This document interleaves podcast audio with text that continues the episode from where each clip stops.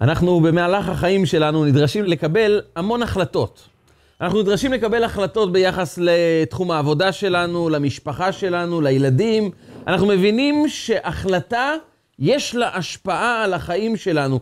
ולכן אנחנו מתחבטים, אנחנו דנים, אנחנו חושבים עמוקות איך אני יכול לקבל את ההחלטה הכי טובה עבורי, עבור הילדים שלי, עבור האנשים שבאים לשאול את עצתי, וכאן נשאלת השאלה, איך מתפעלים מנגנון קבלת החלטות נכון, מדויק?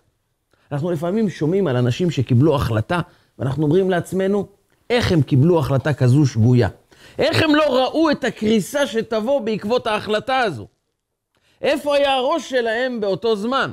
הרי ילד קטן היה יכול להמליץ להם להתנהג בצורה אחרת, והתוצאה הייתה טובה הרבה יותר. מה מונע מאיתנו לקבל החלטות נכונות? מהי העבודה שאנחנו נדרשים לבצע כדי שנוכל לקבל החלטות טובות עבורנו, וגם עבור אנשים שבאים להתייעץ איתנו, כי כל אדם בסופו של דבר גם נותן עצות לחברים שלו, למשפחה שלו, לילדים שלו. איך נדע שאנחנו נותנים את ההחלטה, את העצה הטובה, הנכונה, המדויקת עבורם? הרי כל אדם רוצה את הטוב עבורו ועבור משפחתו. אבל למרות זאת, הרבה אנשים מקבלים החלטות שגויות, לפעמים אנחנו מסתכלים אחורה ואומרים, חבל שקיבלנו את ההחלטה הזו. אז מהי העבודה הפנימית? מהו השורש? לקבל החלטות נכונות בחיים. ואת זה אנחנו פוגשים בפרשת השבוע. פרשת השבוע, פרשת וארא, מפגישה אותנו עם שבע המכות הראשונות על מצרים. אנחנו נפגוש את מכת דם, צפרדע, קינים, ערוב, דבר, שכין, והמכה האחרונה, המכה שחותמת את פרשת וארא, זו מכת ברד. תחילת המכות זה בעצם משה רבנו מגיע לפרעה ואומר לו, נכון שאתה מרגיש שליט כלל עולמי, יש לך המון עוצמה, המון כסף, אבל תדע שמישהו מלמעלה שולט על מה שמתרחש כאן. ואנחנו מבקשים לצאת לחירות. אלוקים מבקש ממך, שלח את עמי. תיתן לעם היהודי לצאת, להשתחרר ולהתחיל להיות עם, לתת להם לקבל את התורה בהר סיני ובהמשך להיכנס לארץ ישראל. פרעה אומר לו, לא ידעתי את השם, וגם את ישראל לא אשלח. אני לא יודע למי אתה מדבר, לא יודע מי זה אלוקים, אני את ישראל לא משלח. ודרך אגב, לי יאורי ואני עשיתיני. יש משפט כללי שאיתו מתנהל פרעה. אני יצרתי את עצמי, והיאור שייך לי. טוב, הוא לא מבין בטובות, אז מגיע מכת דם. כל המים במצרים הופכים לדם. ואחר כך צפרדע, ואחר כך קינים, החרטומים שלו, המכשפים שלו, אומרים, את זה אנחנו לא יודעים לעשות, אצבע אלוקימי. ופרעה לא מדבר מילה, הוא מתחיל להבין שכנראה באמת אלוקים מנהל כאן את הטבע. ואז מגיע ערוב, דבר, שכין, נכנסים בהמות, חיות, מחריבות את מצרים, דבר, מגפה, שמפילה את הצאן, את הבקר למוות, ואחר כך שכין בכל ארץ מצרים, ואז מגיע מכת ברד. ומשה רבנו באופן מפתיע ניגש לפרעה ואומר לו, תכף אני מביא ברד. אלוקים מפיל ברד, שלא היה בארץ מצרים למין היום שבו היא התייסדה, עד היום הזה. זה לא סתם ברד, זה ברד שמי שיהיה בחוץ ימות. האדם והבהמה שיהיו בחוץ ימותו. ועתה שלח העז את מקנך, העז זה בלשון התורה, כנס את כל הצאן, את כל העבדים שלך, לתוך הבתים. בזמן שיורד ברד צריכים להיות בבית, מי שיהיה בחוץ ימות. וכאן קורה דבר מפתיע. כל עבדי פרעה שומעים את זה, אבל הם מתחלקים, מתחלקים לשתי קבוצות, לשני חלקים. הירא דבר השם, מי שירא דבר השם, הניס, הוא קיבץ בחזרה את כל העובדים שלו, את כל הבהמות ואת כל החיות לתוך מבנה מוגן. ומי שלא שם ליבו לדבר השם, השאיר את עבדיו ואת הצאן בשדה. והתוצאה הייתה שהם מתו. התורה מחלקת באופן מפתיע את שתי הקבוצות האלו. הירא דבר השם, מי שירא מדיבורו של הקדוש ברוך הוא, כינס את כולם לתוך הבניין, הגן עליהם. השני, זה לא מי שלא ירא השם, זה מי שלא שם ליבו לדבר השם. ואנחנו מנסים להבין את ההיגיון שהיה אצל אותם עבדי פרעה, שלא הביאו את הבקר, את הצאן שלהם, לתוך מבנה. אתם נניח לא מאמינים במאה אחוז למשה רבנו, אבל לא ראיתם מה התרחש כאן בשבועות האחרונים? שש מכות, הוא אמר שיהיה דם בכל ארץ מצרים, כל המים, לא היה לכם מה לשתות, היה לכם רק דם. צפרדעים, לא ראיתם? בכל ארץ מצרים צפרדעים. אתם לא שמים לב שכל מה שהוא אומר מתממש? דם, צפרדע, קינים, ערוב, דבר, שכין. עכשיו הוא מבטיח לכם ברד, אם הבהמות שלכם בחוץ, אם הבקר שלכם והעבדים יישארו בחוץ, הם ימותו. זה לא היגיון פשוט לכנס אותם חזרה לתוך הבתים? גם אם אתה לא מאמין ב-100%, אתה מאמין ב-10%.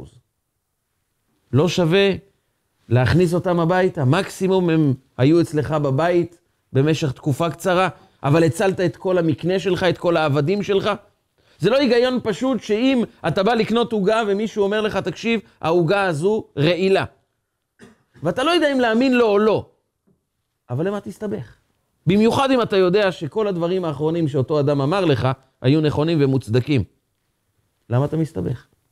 ההיגיון הפשוט, אם היינו שואלים ילד קטן, להכניס את הבהמות הביתה או להשאיר אותם בחוץ, הוא אומר, תכניס אותם הביתה. מקסימום היו אצלך בבית.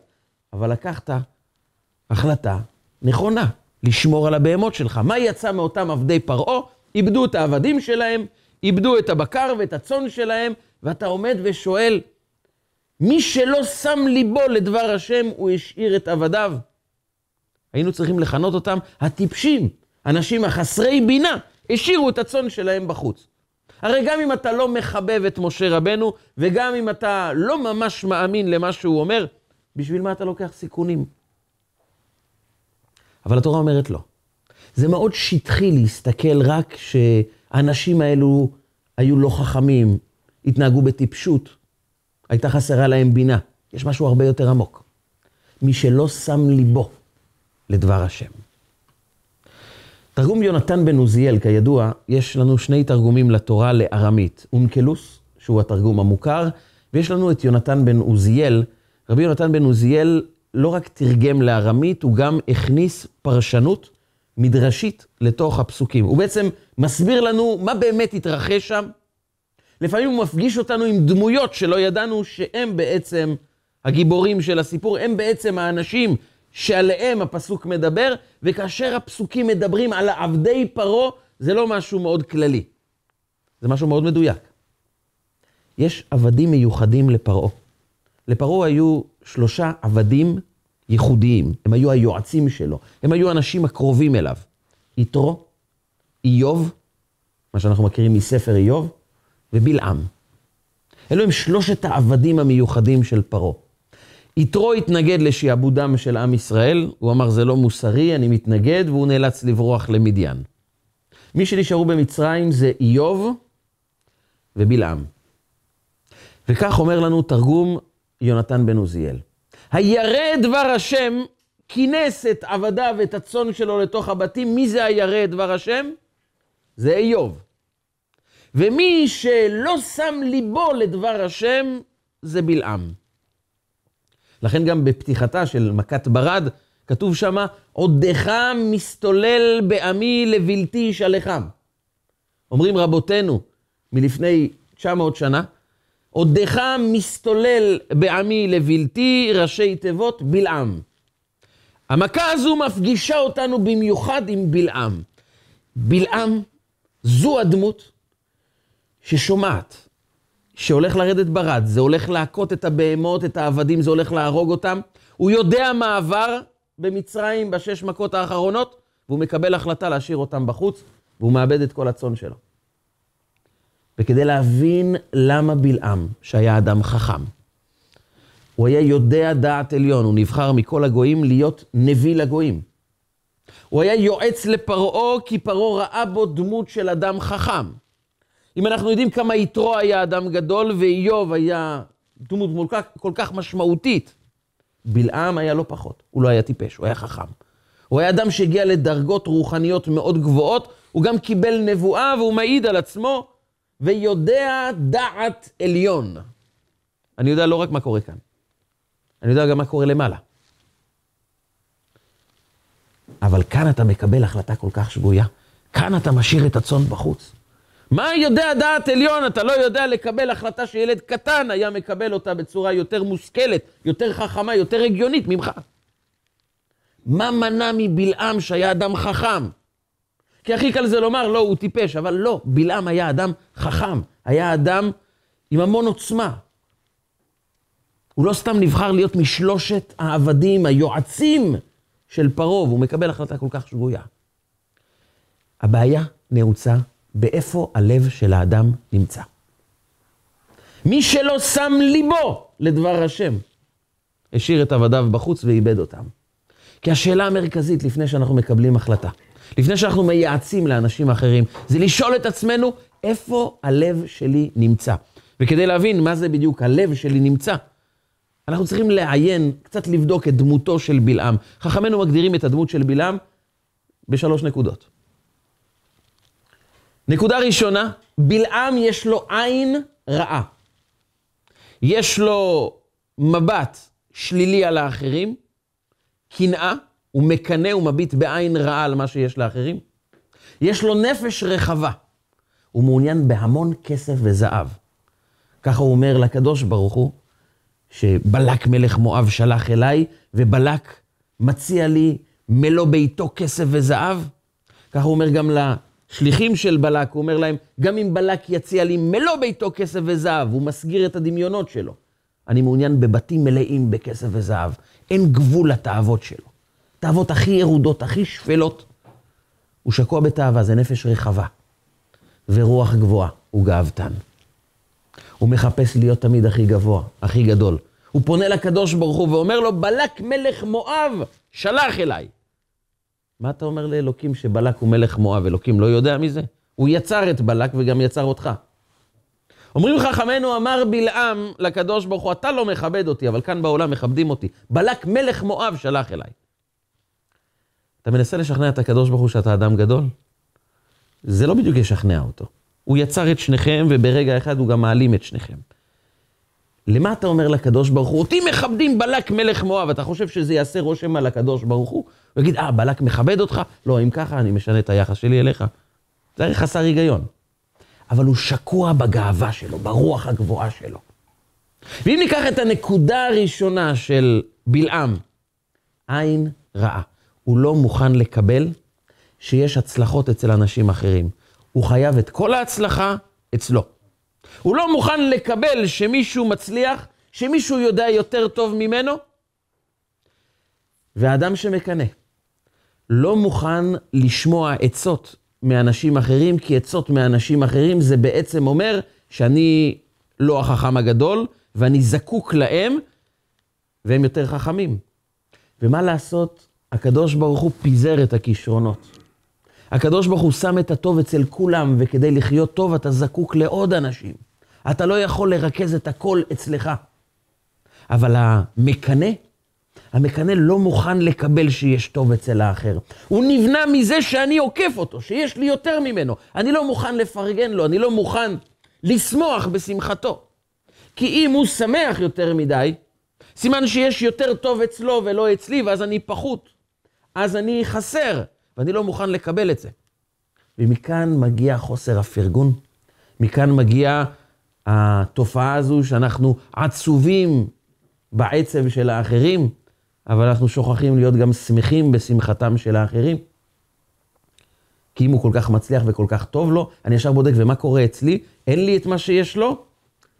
כבר המצב לא יכול להמשיך כך, משהו כבר מתוח בינינו. מספרים שפעם אדם, לפני טיסה לארצות הברית, הוא ארגן לעצמו טיסה, טיולים, מלונות, והוא ניגש לספר כדי להסתפר לפני הטיסה. ותוך כדי שהוא מסתפר, הספר מתעניין, והוא מספר לו, אנחנו הולכים, אה, נוסעים, טסים לארצות הברית. הוא אומר, אתם טסים לארצות הברית? איך אתם טסים? הוא אומר לו, בארקיע הזמנו, הזמנו שתי כרטיסים. בארקיע? הולך להיות לכם טיסה מאוד גרועה, אין שירות, מטוסים מאוד לא טובים, הולך להיות לך טיסה גרועה, תתכונן ל-12 שעות קשות. הוא אומר, ואיפה אתה תהיה? אומר לו, אני אהיה במלון, שכרנו מלון בעיר ליד ניו יורק. אומר, אני מכיר את המלון הזה. רק עכברים ופשפשים, חדרים ברמת תחזוקה ירודה ביותר. אתה הולך לסבול שם, מה הלכת לשכור מלון כזה? בשביל מה? סתם אתה תסבול שם, ולאיפה אתה הולך לטייל? אומר לו, חשבתי לטייל בבית הלבן, קצת אולי לך תדע, נראה אולי את נשיא ארצות הברית, יהיה חוויה. אומר לי, אתה חושב שתראה את נשיא ארצות הברית? מה שחסר לו זה התיירים, אתה לא תראה אותו, סתם אתה מסתובב במקום לא מעניין. סתם טיול גרוע, לדעתי, סתם הוצאה. אתה הולך לסבול. סיים להסתפר, הלך. אחרי חודש הם נפגשים. אומר לו, נו, מה, מה היה בטיול? אומר לו, אל תשאל. היה overbooking בארקיע, היה יותר מדי הזמנות, שדרגו אותי למחלקה ראשונה. אתה יודע איזה כיף, דייל צמוד, טיסה מהחלומות, טיסה הכי טובה שהייתה לי. והמלון? הוא אומר, המלון סיימו שיפוץ בחמש מיליון דולר, קיבלתי את החדר חדש עם נוף לנחל, היה כל כך יפה, נהניתי מכל רגע. אומר, ואיפה טיילת בסוף? אומר, טיילתי בבית הלבן, ואל תשאל מה קרה. נשיא ארצות הברית החליט שהוא חייב לראות את התיירים שבאים לבקר את הבית הלבן, הוא אמר לעוזרים שלו, תביאו לי עשרה תיירים, תכניסו אותם לחדר שלי, אני רוצה לראות אותם, לדבר איתם. נבחרנו להיות מהעשרה שנכנסנו, הוא דיבר עם כל אחד ואחד מאיתנו. אומר, באמת, הוא דיבר איתך, מה אמר לך? הוא הסתכל עליי ואמר לי, תגיד, מי הספר שסיפר אותך תספורת כזאת מזעזעת? החיים של קנאה זה חיים שאני לא יכול לאפשר למישהו להיות יותר ממני. מה? הוא השיג כזו טיסה, כזה חופשה, כזו משפחה, כזה בית, כזה... משהו לא טוב, אני צריך להוריד אותו מפה. למה אתה צריך להוריד אותו? תשמח בשמחתו. לא. הקנאי, הלב שלו, לא נמצא עם עצמו. הוא נמצא בעצם בעולמם של האחרים.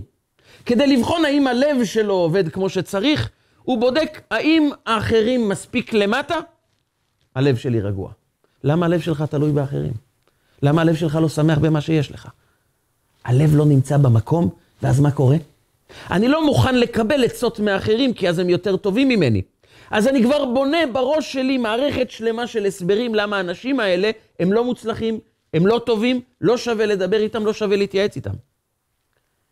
ויש אנשים חכמים סביבנו, בגלל קנאה, שהנה הוא יודע יותר טוב, יש לו יותר אפשרויות, בגלל זה אני מאבד את העצות הטובות לחיים שלי. אני לא מאפשר לעצמי ליהנות מהטוב שיש אצל אחרים. ואז אנשים שיכולים לעזור לנו, אנחנו רואים אותם כאויבים, במקום לראות אותם כאוהבים. בגלל הקנאה. ויש לנו דמות הפוכה מבלעם. אהרון הכהן. משה רבנו מקבל את המעמד הגדול של מלך ישראל, הוא המלך הראשון היהודי. ויהי בישורון מלך. משה רבנו מקבל בסנה את התפקיד ההיסטורי לגאול את עם ישראל. ומשה רבנו מתבייש, אומר לקדוש ברוך הוא, יש לי אח גדול. אני בן 80, יש לי אח בן 83, הוא האח הגדול שלי. איך אני אהפוך להיות המלך שלו כשהוא האח הגדול? משה רבנו מוכן לוותר על התפקיד. אומר לו הקדוש ברוך הוא, אל תדאג לזה. אהרון ורעך ושמח בליבו, אתה תראה, כשהוא יראה אותך והוא ישמע על התפקיד החדש שקיבלת, לגאול את עם ישראל, ורעך ושמח בליבו, הוא ישמח. אומר משה, אם הוא ישמח, אני יוצא לדרך. הוא נפגש עם אהרון, ואהרון כל כך שמח, מחבק אותו, מנשק אותו, באמת שמח עבורו. שנים מאוחר יותר, בונים את המשכן. אהרון הופך להיות כהן גדול והוא מקבל את שמונה בגדי הכהונה הגדולה. אחד מהם זה החושן. מקדימה, על החזה יש חושן, 12 אבנים יקרות עם השמות של השבטים, ובתוכם אורים ותומים. האורים והתומים זה שם נרדף לעצה הטובה ביותר שיכולה להיות. העצה ישירות מבורא עולם, מה טוב בשבילך? זה אורים ותומים. וכך נאמר, והיו על לב אהרון בבואו אל הקודש. האורים והתומים, אלו שייתנו לעם ישראל את העצות הטובות, כי תמיד העם היה מתייעץ עם הכהן גדול, שואל באורים ותומים, ואז האותיות בחושן, שבונות את התשובה המדויקת, הטובה, הנכונה ביותר, מאירות, בזכות האורים והתומים. והיו על לב אהרון בבואו אל הקודש. אמר רבי שמעון בר יוחאי, כך מופיע במדרש בילקוט שמעוני. אמר רבי שמעון בר יוחאי, אותו הלב ששמח כשהוא ראה את משה רבנו. אותו הלב שפינה קנאה מתוכו. שלא התחיל לומר, אבל אני גדול והוא קטן והוא עוקף אותי ומה המעמד שלי. ורעכה ושמח בליבו. לב שיודע להניח למחשבות המפילות, למחשבות הקטנות בצד, ובאמת שמח בשמחתו של האחר. על הלב הזה אני שם אורים ותומים. זה לב שיודע לייעץ עצות. כי האורים ותומים חייבים להתחבר ללב של אדם שהוא כלי לתת עצה טובה.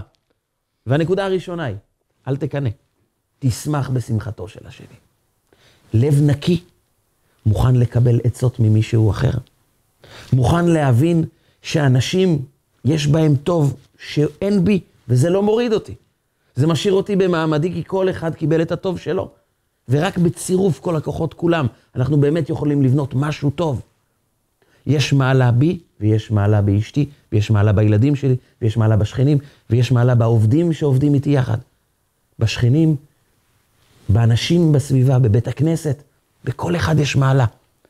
ואני מוכן לקבל את המעלה הזו, זה לא פוגם בי. אני שמח כשאני שומע על הצלחה של מישהו. אם אתה מצליח לשמוח בשמחתו של השני, הלב ממוקד בטוב.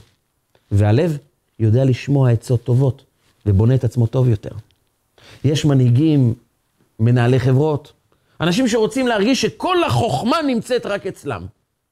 אז אנשים נותנים להם עצות ואומרים, לא, אתה לא מבין שום דבר. הוא בונה בתוכו עולם, שמבחינתו כעת העולם הזה מדויק לחלוטין. הם לא מבינים כלום. הם עשו שטויות.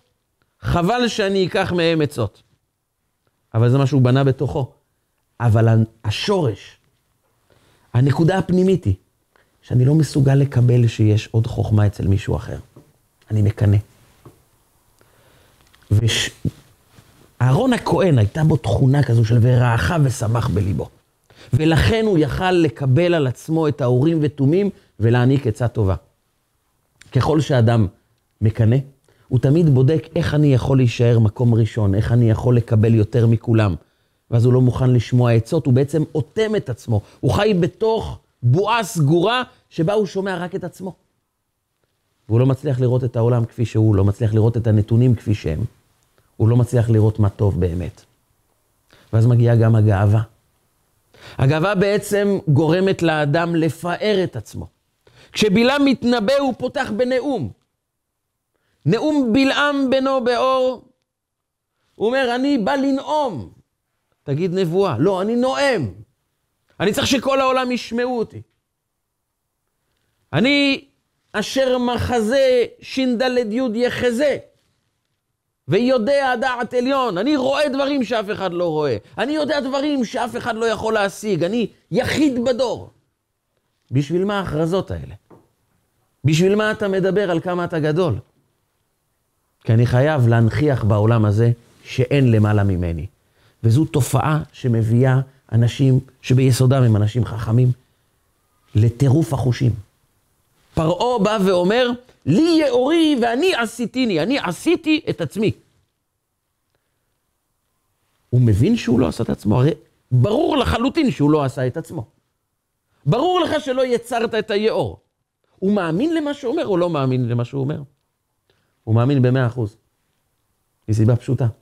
הוא נעול בתוך עולם המחשבות שלו, הוא כבר לא מסוגל לקבל נתונים אובייקטיביים, פשוטים, מה שכל אחד רואה. הוא שומע את עצמו והוא לא מסוגל להישאר במקום שהוא חסר, כי הוא רוצה להיות מספר אחד, והדרך להיות מספר אחד זה לומר, לי אורי ואני עשיתי, אני עשיתי את עצמי, אני לא תלוי באף אחד. לא ידעתי את השם וגם את ישראל לא אשלח. אני לא מוכן לקבל תכתיבים מאף אחד, אין למעלה ממני. אני האליל, אני הכי גדול, וזו תופעה שלא מסתכמת רק אצל פרעה. כי מנהיג היום הוא נתון לשליטה של uh, גורמים רבים. הוא לא באמת יכול להחליט כמו מנהיגים של פעם, פרעה, נבוכדנצר, חירום מלך צור. הם היו אנשים שבאמת שלטו, בלי שאף אחד יכל לומר מה שרצה. והם הגיעו לתפיסות הזויות. אם פרעה אומר לי יורי ואני עשיתיני, חירום מלך צור אומר מושב אלוקים ישבתי. אני יושב במושבו של אלוקים. אין גבול לכמה אדם הגאוותן מסוגל לעלות, לפתח בתוכו תודעה כזו שאני הגבוה ביותר, ואז לא רק שהוא לא מקבל עצות, הוא גם חושב לעצמו שכל הטוב נמצא רק אצלו. הוא מתחיל לזלזל באחרים. הוא מתחיל לראות רק את החיים הפרטיים שלו. ואז, בגלל שהוא לא מוכן לאפשר לעצמו, רגע, תראה ששש מכות קודמות גרמו למה שגרמו, וראית כמה מצרים קיבלה מכה, אז תבין שמכת ברד כנראה הולכת להתממש. לא, אני לא מוכן לשמוע שמישהו יפקד עליי, יצווה אותי. אני לא מוכן לשמוע עצות שבאים לעזור לי, אבל הם עוזרים לי בזה שהם אומרים לי, אתה מסכן, תכנס את הצאן שלך בפנים. לא, והם הולכים עד הסוף, ומתרסקים. וזה לא מעניין אותם. כי כשהאדם מחפש את הקנאה, את הגאווה, ובנוסף גם את התאווה, שאדם מחפש רק איך העולם משרת אותי, הוא לא מסוגל להבין, יש בך משהו שצריך להיות צנוע, ולראות את העולם מבחוץ, את האנשים שבחוץ. לאנשים האלה יש כישרונות, לאנשים האלה יש חיים, יש מי שמנהיג את העולם הזה. יש אמת שהיא מעבר אליך, אבל בלעם לא מסוגל. הוא לא מוכן שאף אחד יהיה מקום ראשון, אני חייב להיות הכי גדול, אני חייב להיות הכי מוצלח, וכל התאוות מגיעים לי מלוא ביתו כסף וזהב. ואז הוא ננעל בעצמו, והוא לא שומע משהו אחר. הנביא מספר לנו על חייל בית האלי. חייל בית האלי היה אדם שהתחבר עם אחיו בתקופת אחיו ואיזבל, והוא עבד את נביאי הבעל, את העבודה הזרה שנקראת הבעל, והוא החליט שהוא הולך לבנות את יריחו. ספר יהושע בפרק ו', עם ישראל מחריבים את יריחו, מפילים את החומות של יריחו, ונסללת הדרך לכבוש את ארץ ישראל, עם ישראל נכנס לארץ ישראל. ויהושע ציווה, אם בבחורו ייסדנה, בצעירו יציב דתיה. העיר הזו תישאר חרבה, החומות האלה לא ייבנו. כדי שיזכרו שארץ ישראל שייכת לעם היהודי. ואם מישהו יחליט לייסד, לבנות את היסודות לעיר יריחו כדי לבנות אותה מחדש, הבן הבכור שלו ימות. ואם הוא ימשיך עד שהוא יציב דלתיה, הבנים יתחילו למות עד שהצעיר ימות. וחיאל בית האלי מחליט שהוא הולך לבנות את יריחו. הוא מציב את היסודות והבן הבכור מת. כל בן אדם נורמלי היה עוצר ברגע הזה, אומר, אוקיי, מה שהיה ידוע מאות שנים, כנראה מתממש, עצרתי, טעיתי, חוזר אחורה. לא, הוא ממשיך לבנות, ומתים הבנים, עד שמת הבן הצעיר. אתה שואל את עצמך, אתה לא מבין? הרי ידוע לכולם, אף אחד לא בנה את יריחו, כולם פחדו בגלל הגזירה הזאת. ואתה רואה שהיא מתממשת, למה אתה ממשיך? לא רק שהוא ממשיך, הוא גם משתף פעולה עם נביאי הבעל בזמן הניסיון הגדול בהר הכרמל. איפה האש תרד? האם במזבח של אליהו הנביא, ואז יכריזו כולם השם הוא האלוקים, או שהאש תרד אצל נביאי הבעל? ואז עם ישראל ימשיכו לחטוא בחטא העבודה זרה. ונביאי הבעל ידעו שהאש לא תרד אצלם. אז הם החביאו את חייל בית האלים מתחת למזבח, ואמרו, כשתשמע קולות, תדליק אש. והוא יורד לשם. אתה מבין שעבודה זרה הזו היא שטות, למה אתה ממשיך איתה? אתה רואה שמי שלא מקשיב לנביאי ישראל, בראשם יהושע, מתו לו הילדים, למה אתה ממשיך? הוא כבר לא פנוי לשמוע. על זה אומר דוד המלך, עיניים להם ולא יראו, אוזניים להם ולא ישמעו. הוא כבר לא יכול לשמוע. כי האדם שנתון ליבו כל הזמן בריכוז עצמי מוחלט של מקסימום תאוות, לא רוצה שאף אחד יהיה לו יותר ממני ואני חייב להיות מקום ראשון. הוא שומע רק את עצמו, הוא לא מצליח לשמוע אפילו לא את צלילי ההיגיון.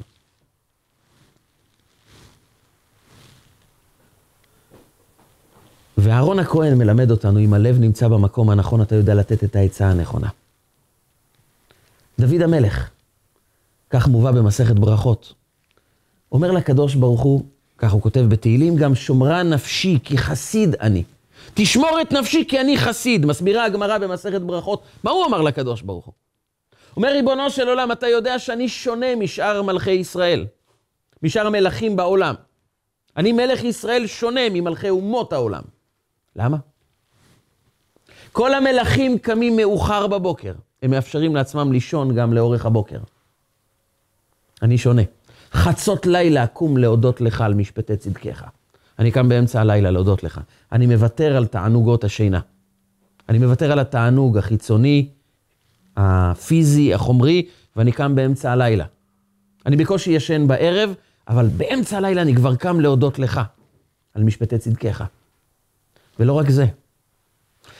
כשבאים אליי לשאול אותי הלכות, אני מיניתי את רבי מפיבושת. באמת קראו לו איש בושת, אבל למה הוא נקרא מפיבושת?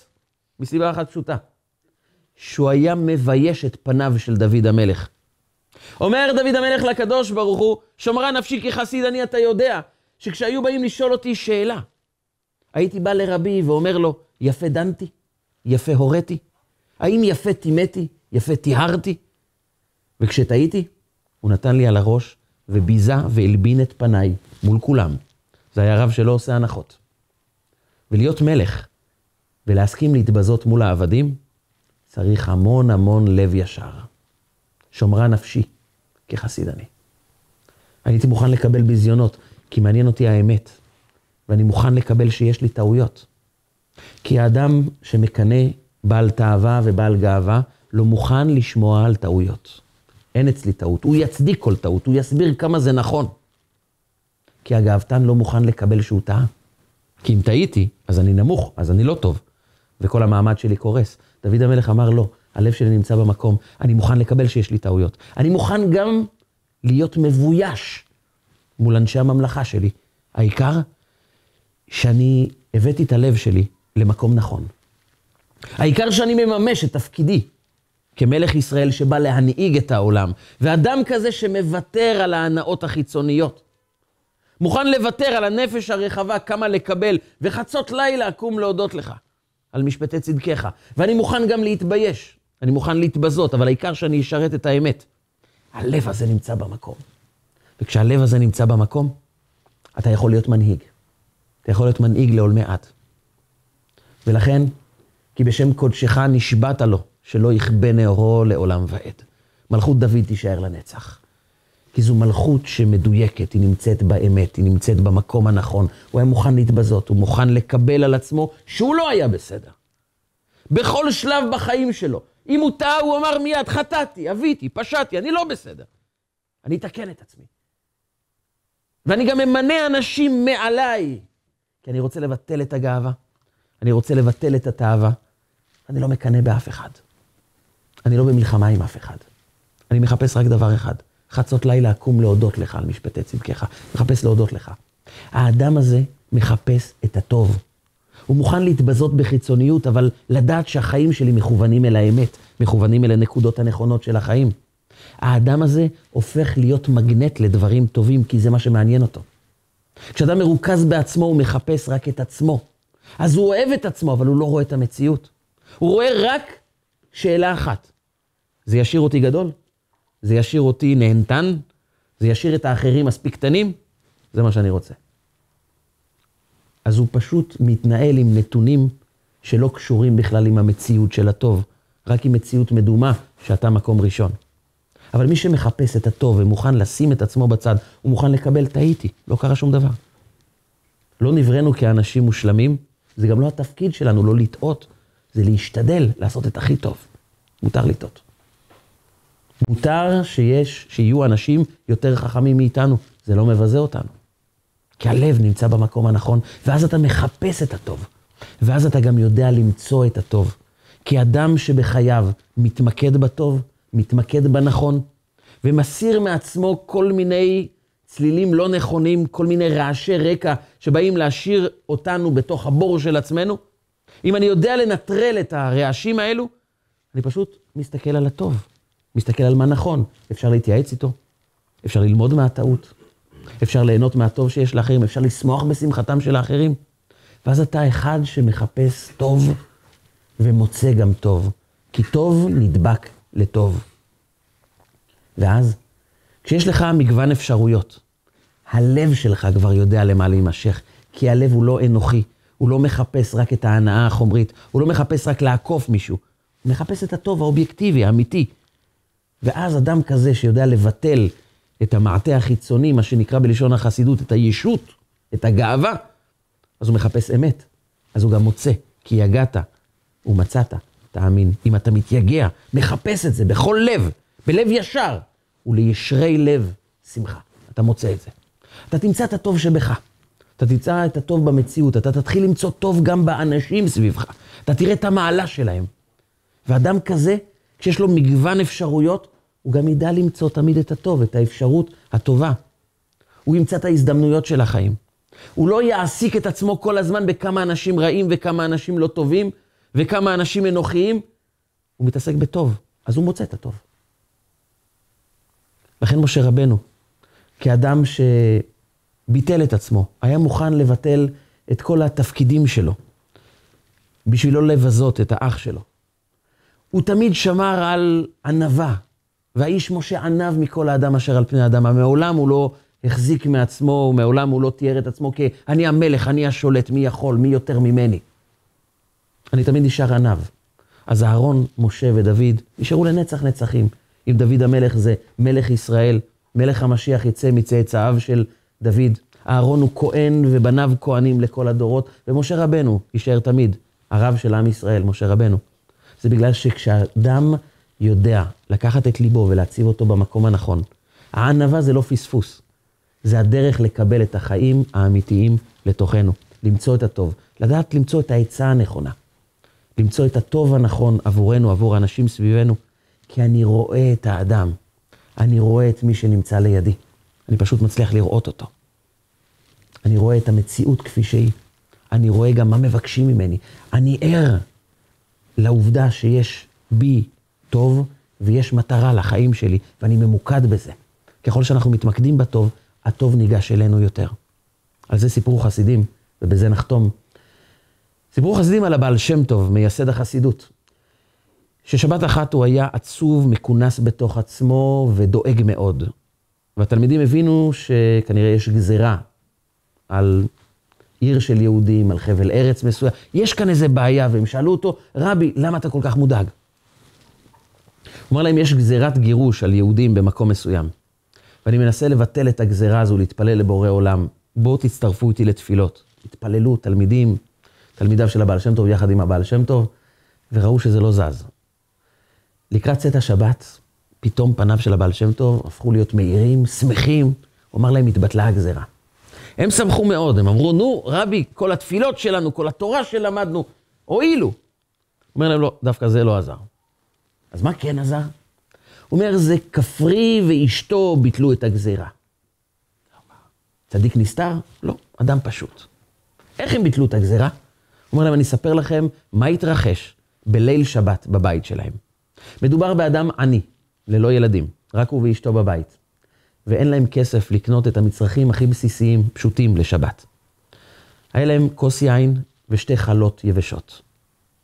והוא נכנס הביתה מבית הכנסת, בבית הכנסת הוא פגש את החברים שיש להם ילדים, וארוחה חמה שמחכה להם לסעודת ליל שבת, מפה פרוסה, בית מאיר, בית שמח. הוא שומע את כל הצלילים של זמירות שבת מכל הבתים, בוקעים, את המאכלים, את הקולות של הסכו"ם, והוא נכנס הביתה ואין כלום בבית. ומה עושה אדם שנכנס הביתה ואין לו כלום בבית? עושה קידוש, נוטל ידיים, מברך המוציא על הלחם, ואומר לו אשתו, אומר לאשתו, אשתי היקרה, סלטים יש? אומרת לו, בטח שיש סלטים, הרבה. חותכת חתיכה מהחלה היבשה, נותנת לו, הנה סלטים. הוא זורח באושר. כמה סלטים.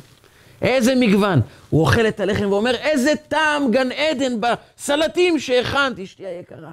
כמה טוב הסלטים שיש לנו. ברוך השם. מתחיל לזמר זמירות שבת. אומר, אשתי, מרק יש? אומרת לו, גם מרק יש. חתכה לו עוד חתיכה קטנה, נתנה לו. איזה מרק מזין, איזה מרק טוב, עונג שבת, מעין עולם הבא. משבח בתשבחות, כולו שמח, מזמר זמירות, מדבר דברי תורה, ושואל האם יש גם דגים, והאם יש בשר, והיא אומרת לו על הכל כן. במצב הזה אתה יכול לאפשר לעצמך כל דבר שאתה רוצה. היא חתכה לו חתיכה מהחלה ונתנה לו. בשר, דגים, עופות, גם קינוח. היא אמרה לו, גם יש קינוח. והוא טעם ואמר, קינוח כזה מעין עולם הבא. וסיים את החלה הקטנה שלו, והיא סיימה את החלה שלה. בירכו ברכת המזון, ואז הוא פונה לאשתו ואומר, תגידי, אשתי, עם כל השפע, עם כל הטוב שאלוקים נתן לנו, לא ראוי שנרקוד בפניו ונודה לו על כל הטוב שהוא נתן לנו? אמרה לו, אשתו צריכים לרקוד. והם קמו ורקדו ובזמן הריקוד של שניהם, אמר הקדוש ברוך הוא, אני מבטל את הגזרה, לא יהיה גזרה יותר. אם אנשים יודעים להודות על הקצת שנתתי להם ולשמוח בשמחה הזאת, הם צינור לטוב, לשפע בעולם הזה. אמר הבעל שם טוב וגם הם קיבלו. הבטחה, שכעת הם יהפכו להיות גם אנשים עשירים. כי אדם מלא בגאווה, בקנאה ובתאווה, לא מסוגל להסתכל על שני חלות יבשות שיש לו בבית כמשהו טוב. להפך, זה רע. כי לאחרים יש, וטוב אצל האחרים, ופגעו בי, ולי אלוקים לא נתן. ואנחנו יכולים להתלונן מפה ועד הודעה חדשה. אבל התלונות משאירות אותנו רק בתוך מסגרת, בבור של כמה רע, כמה כואב, כמה לא טוב, ומהמעגל הזה לא מצליחים לצמוח וליצור דברים טובים. אבל לכל אדם יש את השתי חלות הקטנות הטובות, שהוא יכול לראות בהן את כל הטוב. וכשאתה מתמקד בטוב, אתה מתחיל לזהות טוב. טוב מתחיל להידבק אליך, כי טוב נדבק לטוב, ולתלונות נדבקות עוד תלונות. לרע, לתחושות רעות, נדבקים עוד יותר תחושות רעות. אבל כל אדם יכול ליישר את ליבו. ומי שלא שם ליבו לדבר השם, איבד את הכל. אבל הירא את דבר השם. זה אותו אחד שמוכן לשים את עצמו בצד רגע, ולשאול מה האמת, מה נכון. ואז אני מוצא את נקודת הטוב, נקודת האמת בכל דבר. וככל שאני מוצא נקודת טוב, אני מתחבר לצינור של שפע, של טוב לעולם. והטוב הפרטי שלנו מתחיל להתגלות. ואז אנחנו יכולים להיות גם אנשים שמגלים את הטוב אצל אחרים. וזה הדרך, שגם נזכה לגלות את הטוב העמוק שנמצא בעולם, שיתגלה בגאולה שלמה משיח צדקנו במהרה בימינו, אמן ואמן.